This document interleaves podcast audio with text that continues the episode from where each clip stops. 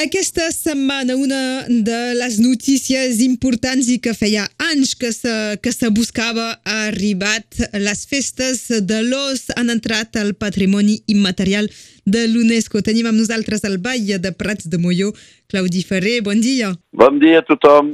Ha estat un, un llarg camí on s'ha arribat a, a bon port al final. Un llarg camí eh, que de 10 anys, eh? de 10 anys que tothom eh, esperava aquesta notícia eh, amb el, tota eh, la feina que, ha, que s'ha fet a l'entorn d'aquestes festes.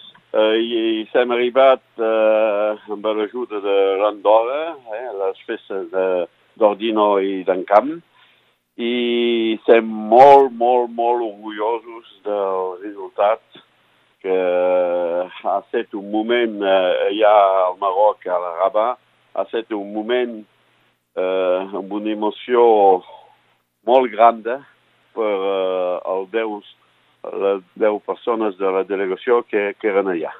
N'heu parlat, eh, de les d'Andorra. Això va ser, d'alguna manera, el canvi. És a dir, que el dossier era difícil que passés amb només l'Alba Espí i a partir del moment on hi havia també Andorra i doncs un, un altre estat que era binacional, era més fàcil que sigui acceptat. No, no era més fàcil. El, la feina que hem fet podia passar al nacional. Fa tres anys estem nosaltres, les festes de l'os del Val d'Espir, de l'Alt Val d'Espir, que tenien de passar. Hi ha hagut esdeveniments eh, polítics importants i eh, era, era la període de, del gilet jones, eh? -hmm. eh, que, que ha fet que l'han donat eh, per l'UNESCO o eh, l'estat francès ha decidit que seria la Martinica que ho tindria. Donc, eh, el ministre de la Cultura que, que hi havia en aquest moment m'ha trucat i m'ha dit ara serà, seran coses eh, decidides pel govern francès i doncs, si voleu eh, arribar a l'UNESCO, ell m'havia dit que cap problema era nosaltres. Eh? Eh, doncs, si voleu ara tenir l'UNESCO, tindreu de passar eh, d'una manera eh, internacional. És el que hem fet amb l'Andorra. Hem fet una feina de tres anys en comú i s'ha pogut tenir. I puc dir que allà a Rabat tothom era content de tot el món era, eren contents que les festes de l'os i eh, eh, hem arribat a, a el que volien, a tenir l'UNESCO. Aquesta mm, decisió, aquesta acceptació del, del dossier doncs, ve a, a tancar una etapa, però no obre una de nova.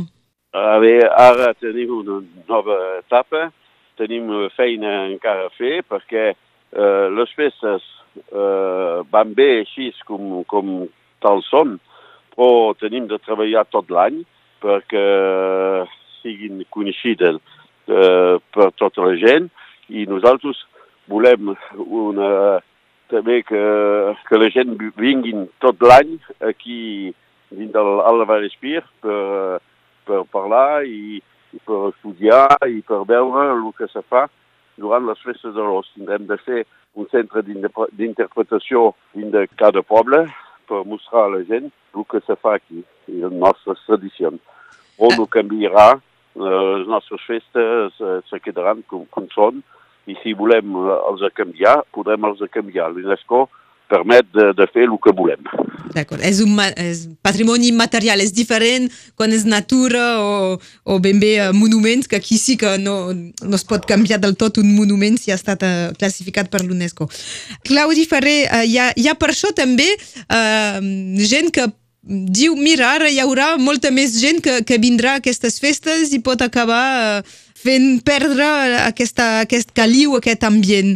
No, això són la gent que que diuen això, eh? hi, ha, hi ha gent, poca gent que ho diuen, però no sé com podrien tenir més gent, perquè eh, les tres festes eh, tot el poble és, és complet i, i no, no podem eh, acollir més, més gent eh, durant les festes. Les festes no, no canviaran eh, i se quedaran encara un cop com, com són. Eh?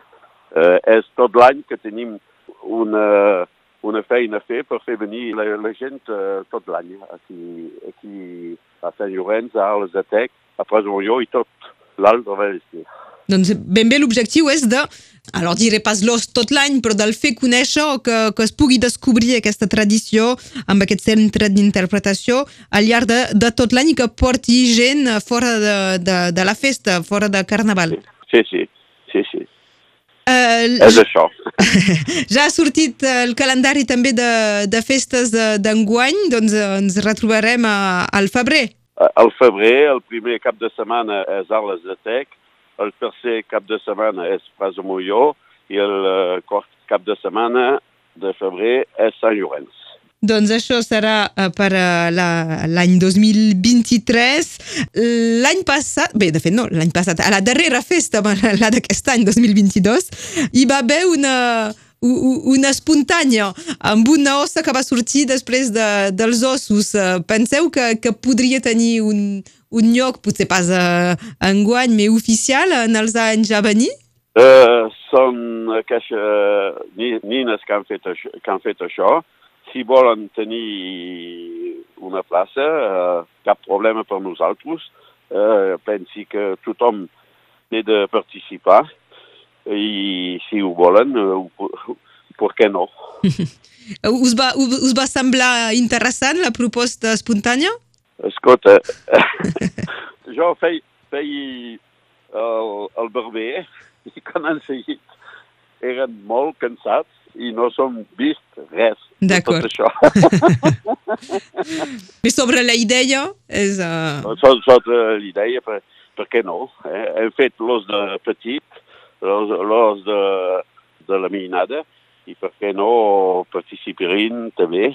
Uh, a, a Sant Joan de Cerdà han fet les figueretes, i per què no no farien l'os.